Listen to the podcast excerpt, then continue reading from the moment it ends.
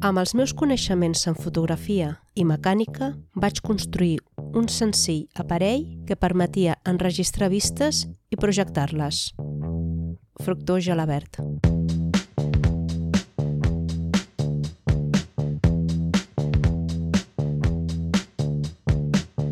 Gairebé tots els primers cineastes tenen un fet en comú. Van ser gent molt decidida, aventurers, amb unes certes habilitats manuals i un pensament molt ràpid. En aquest episodi descobriràs qui va ser el primer cineasta de tota Catalunya i per què una baralla pot ser molt important. Saps a qui es tracta? Llums. Càmera. Acció.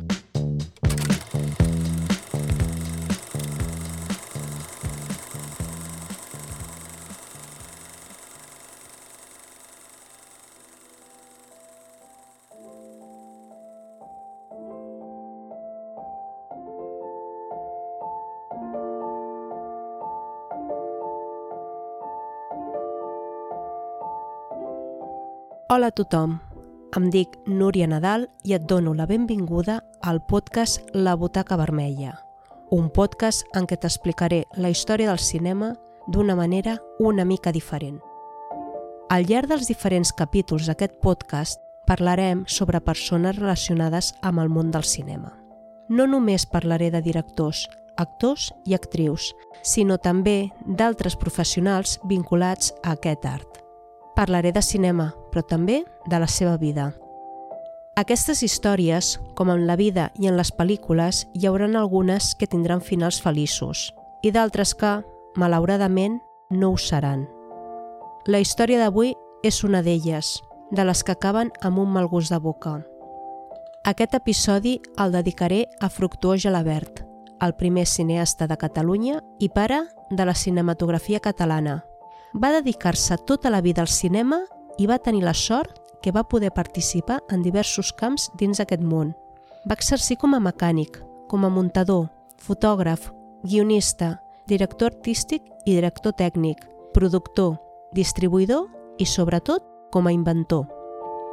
Una aclaració. Molts d'aquests primers cineastes i pioners eren el que ara en diríem perfils pluridisciplinars. De fet, és molt habitual que ocupessin molts llocs en diversos camps dins el mateix sector.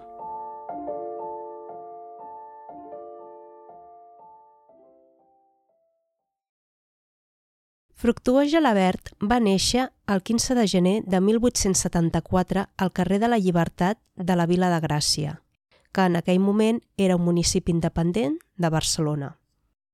Dels pares en tenim molt poca informació.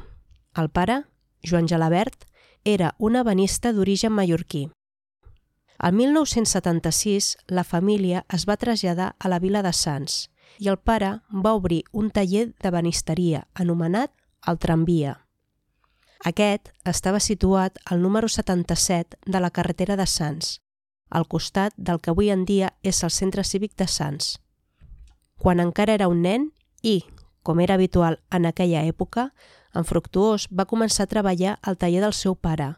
Allà s'encarregava de les feines de delineant i de tallista, que eren unes feines que se li donaven prou bé. L'any 1890 va conèixer els germans Napoleón. Els germans Napoleón eren els propietaris de la casa de fotografia més important de tota Barcelona. Aprofitant els coneixements de mecànica, Fructuós va començar a construir-se algunes càmeres, amb les quals va retratar la vida quotidiana de Sants. Aquests dos interessos, la fotografia i la mecànica, seran molt importants pel que passarà a partir d'ara. El 1895 es va presentar a Barcelona el kinetoscopi de Thomas Alva Edison. En aquesta sessió, Fructuós Gelabert va poder assistir-hi.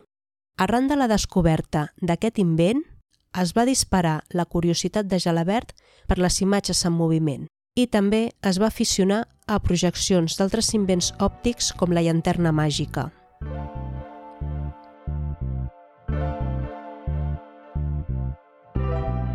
Si t'agradaria que parlés en un altre capítol amb més profunditat sobre tota aquesta gamma d'invents que permeten visualitzar imatges en moviment, recorda que al lloc web labutacavermella.cat barra idees Pots votar i proposar idees pels propers episodis.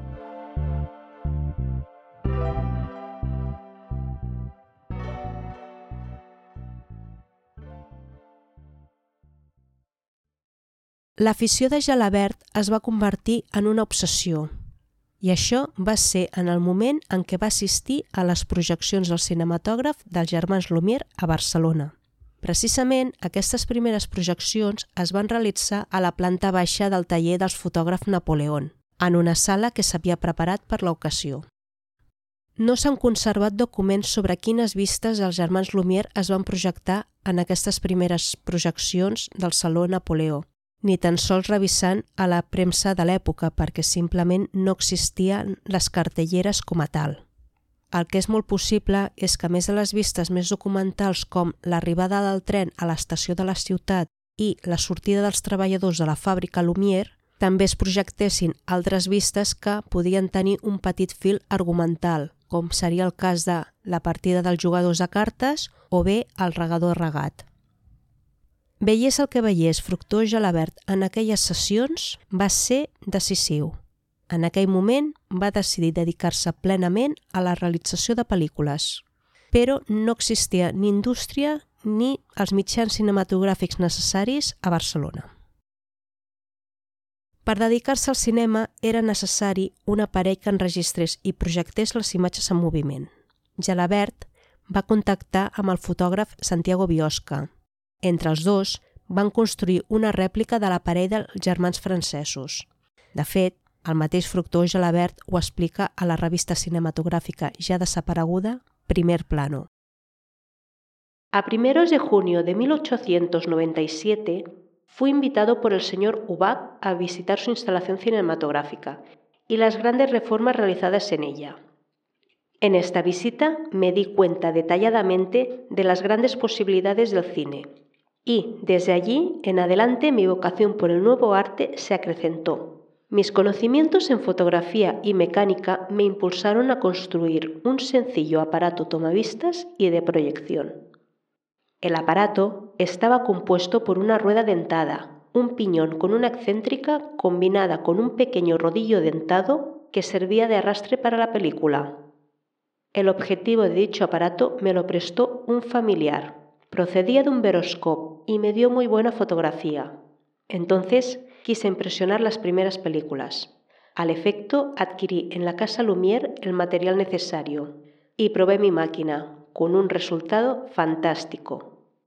Fructuós Jalabert, revista Primer Plano, 1940.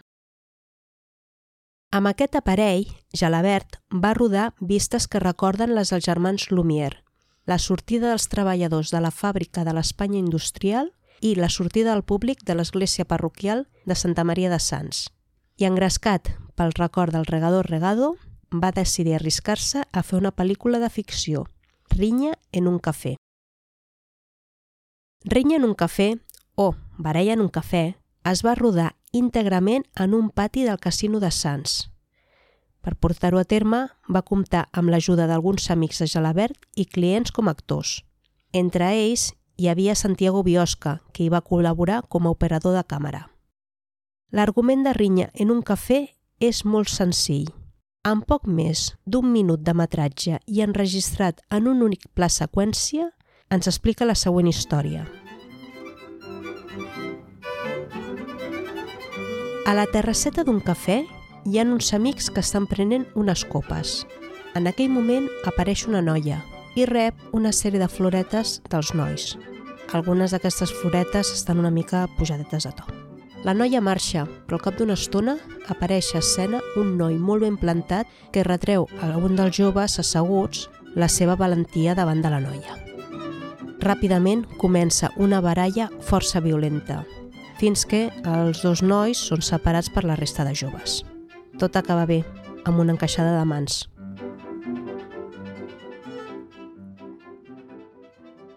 Per a Jalabert, aquest film va ser clarament pacifista. Contenia un missatge de pau i de concòrdia i, a més, era un simple divertimento. Amb aquest argument tan senzill, Rinya en un cafè es convertia en la primera gravació a tota Espanya que explicava una història. El film es va projectar en un embalat de la Festa Major de Sants i l'èxit que va tenir va ser rotund. Va permetre que Jalabert obrís el seu propi cinema en un dels salons de l'Hotel Martín a la Rambla. Això sí, al cap de poc temps, aquesta via de negoci de Jalabert faria fallida. I per si t'ho preguntes, del metratge original de Rinya en un cafè del 1897 només es conserva un sol fotograma. Al 1898, Jalabert va rodar un documental sobre la visita d'Alfons XIII a Barcelona, un documental que la productora Paté li va comprar per la seva exhibició a tot el món. I d'aquella època Jalabert també tindria altres èxits. Al mateix temps que la vila de Sants es va anaccionar a Barcelona i es va convertir en un barri de la ciutat, Fructuós Jalabert va experimentar per primer i per últim cop amb el trucatge cinematogràfic. El film Choque de Transatlánticos és la primera pel·lícula d'efectes especials rodada a Espanya. Per portar-la a terme va utilitzar maquetes i vaixells en miniatura. Tot i l'èxit de l'experiència, Jalabert va abandonar aquest estil. No s'hi trobava massa còmode. I a més, el seu col·lega Segunda de Chumont es va convertir en el futur mestre d'aquest tipus de cinema de trucatges. A partir d'aquest moment i fins al 1915, Jalabert va compaginar el seu treball com a inventor de nous sistemes de projecció cinematogràfica amb les seves pròpies creacions cinematogràfiques, ja fos com a director tècnic o bé com a col·laborador autònom per dues de les productores franceses més importants del moment, la Paté i la Gaumont. El 1903, Fructuós Jalabert es va casar amb Teresa Bombaí, el matrimoni va tenir quatre fills. Francisca, la filla gran, va morir amb només 11 mesos. Aquest fet tràgic a la família va permetre que Jalabert comencés a oferir projeccions gratuïtes per als orfes de la Casa de la Caritat. El 1905 va rodar finalment el seu primer èxit a escala mundial, Los guapos de la vaqueria del parque, una excel·lent comèdia de 15 minuts per la qual fins i tot va rebre una oferta per anar a treballar als Estats Units. Fructuós la va rebutjar. Això sí, l'èxit del film va permetre que Diorama, que era una empresa seva dedicada a la distribució de pel·lícules, es convertís en una productora cinematogràfica, que va ser rebatejada com a Films Barcelona. A partir d'aquest moment, la seva producció es va diversificar amb comèdies com Cerveza gratis, Los Kikos o Baño imprevisto i també amb ambicioses adaptacions cinematogràfiques d'obres literàries catalanes. Les més importants són Terra Baixa i Maria Rosa, les dues d'Àngel Guimarà. Per cert, Guimarà va poder assistir a les projeccions i va quedar profundament emocionat. El 1908 va fer construir els primers estudis cinematogràfics de tota Barcelona. Constaven d'una immensa galeria de vidre i estaven situats als jardins de la finca de Lluís Martí Codolà, que havia estat alcalde de Barcelona. El primer film que va rodar va ser La Dolores, un drama rural de Josep Feliu i Codina, que estava inspirat en la famosa Jota. A més, també es van rodar les còmiques El guardia burlado i Los calzoncillos de Tony. Precisament a Los calzoncillos de Tony, durant la projecció de la pel·lícula, els actors de la companyia del Teatre Romea s'amagaven darrere de la pantalla i recitaven els diàlegs de la pel·lícula. D'aquesta manera, Fructós Gelabert va experimentar amb un imaginatiu sistema de cinema sonor. Paral·lelament a tots aquests èxits de ficció, Gelabert va tornar amb força al documental, un gènere que mai havia abandonat, i ho va fer rodant l'anomenada trilogia dels monestirs catalans, Poblet, Montserrat i Ripoll. En revelar les imatges fetes des del cremallera de Montserrat, li va semblar veure-les en relleu, i això li va donar una nova idea que explotaria en un futur i que d'aquí uns minuts en parlarem d'ella. Al 1910, Fructós Gelabert va rodar Guzmán el Bueno, amb la principal dama del teatre català del moment, Margarida Xirgu, per primera vegada en una pel·lícula espanyola, els decorats eren en tres dimensions. Guzmán el Bueno és el film de més ressò de tots els que va fer Jalabert. És considerat una obra mestra. De fet, recordant els comentaris que va escriure Joaquim Freixas a la revista Arte y Cinematografía ho podem comprovar. Guzmán el Bueno es todavía un éxito artístico, hasta el presente no igualado por ninguna otra película española. Revista Arte y Cinematografía, 1926. A partir d'aquest moment, Jalabert es refugia cada cop més en el cinema documental i col·labora com a operador de càmera professional o com a codirector, com seria el cas del film Anna Cadova del 1912. Paral·lelament a tot això, funda la seva pròpia productora, Manufactura Cinematogràfica Tricolor, a la carretera de Sants número 77. L'any 1913 va estrenar la que seria la seva pel·lícula més conflictiva, Mala raza. Va ser denunciat per haver plagiat l'obra de José Echegaray, sense haver pagat els drets d'autor. Després d'haver fet canvis en el muntatge i canviar el títol per Nubes Negres, va guanyar el judici. El 1914, amb la col·laboració econòmica d'en Josep Maria Bosch i el crèdit que l'havia concedit Francesc Beck, va crear l'empresa Boreal Films. Tot i així, Jalabert es dedicava cada vegada més a les feines de càmera i a les col·laboracions amb diverses pel·lícules, com per exemple El Nocturno de Chopin, dirigida per Adrià Gual i protagonitzada per Margarida Xirgu. L'inici de la Primera Guerra Mundial va convertir-se en un altre problema, sobretot per la importació i l'exportació de pel·lícules. Tota la indústria cinematogràfica europea va col·lapsar, deixant moltes pel·lícules a mig fer. D'aquella època, Jalabert va aconseguir amb prou feines acabar-ne dues, el 1917, El Sino Manda i El Doctor Rojo. Poc després, el 1918, va vendre la seva productora Boreal Films a Studio Films, posant fi a la seva carrera com a productor independent. Amb la venda de Boreal Films no va acabar la relació de Jalabert amb el món del cinema. Gràcies al seu amic Josep Maria Codina, va aconseguir treballar com a operador de càmera a Studio Films, precisament la productora que havia comprat Boreal Films. Paral·lelament a aquesta activitat, seguia fent documentals per encàrrec i també feines esporàdiques com a operador de càmera per altres productores barcelonines. En alguna d'aquestes productores va tenir l'oportunitat de col·laborar en els guions. L'any 1928 va dirigir el llargmetratge de ficció La Puntaire, una pel·lícula que també va escriure el guió i comptava amb una novetat, i és que els cartells eren totalment en català. Malauradament, el film va ser un fracàs estrepitós. Va estrenar-se a l'any 1930, quan tots els films eren sonors. Aquesta mala experiència el va apartar definitivament del rodatge de pel·lícules i a partir d'aquell moment, Fructuós només es va dedicar a la reparació i a la invenció d'aparells cinematogràfics. Ho va fer amb la seva pròpia marca, Frugel, que li va reportar més aviat pocs beneficis.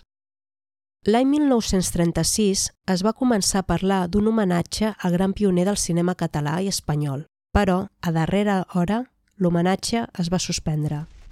Havia esclatat la Guerra Civil Espanyola.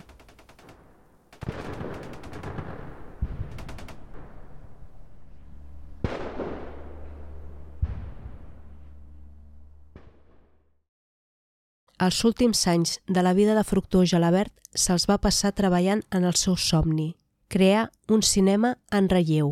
Però, degut al nul suport econòmic i la depressió general de la societat de postguerra, van fer que els seus treballs quedessin en el no-res. L'any 1952, en Joan Francesc de Lassa, aleshores un jove director de cinema que era un admirador de Gelabert, va aconseguir que l'Ajuntament de Barcelona li fes un modest homenatge al cinema Alexandra. Lassa, a més, va passar-li una petita quantitat de diners que l'ajudés a sobreviure una mica millor. Però Fructuós Gelabert va invertir tots aquells diners en rodar una segona versió de la que havia estat la seva primera pel·lícula de ficció, Rinya en un cafè, una pel·lícula que s'havia perdut amb l'aparent indiferència del sector.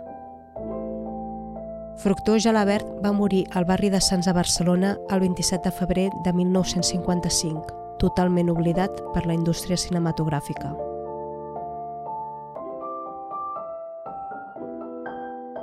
Gairebé 50 anys més tard, i gràcies a la constant tasca de recuperació cinematogràfica que han fet els historiadors, com Miquel Porter i Moix, i més endavant, Palmira González, i sobretot, gràcies a en Joan Francesc Alassa, s'ha pogut constatar que, tot i la pràctica desaparició dels treballs de Gelabert, ja sigui per la descomposició dels negatius o per la simple deixadesa, la seva obra està artísticament a l'alçada d'altres pioners al món del cinema.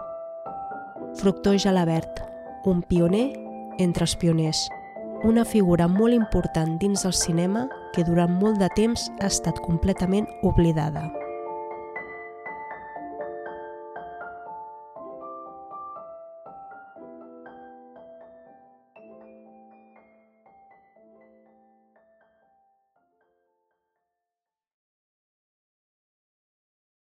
I fins aquí aquest episodi de la Butaca Vermella, en què he parlat sobre la figura de Fructuós Gelabert.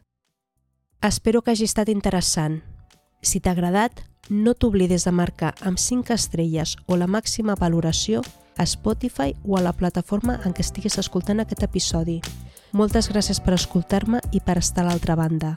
Recorda que al lloc web labutacavermella.cat pots trobar la transcripció d'aquest episodi i notes per poder ampliar la informació.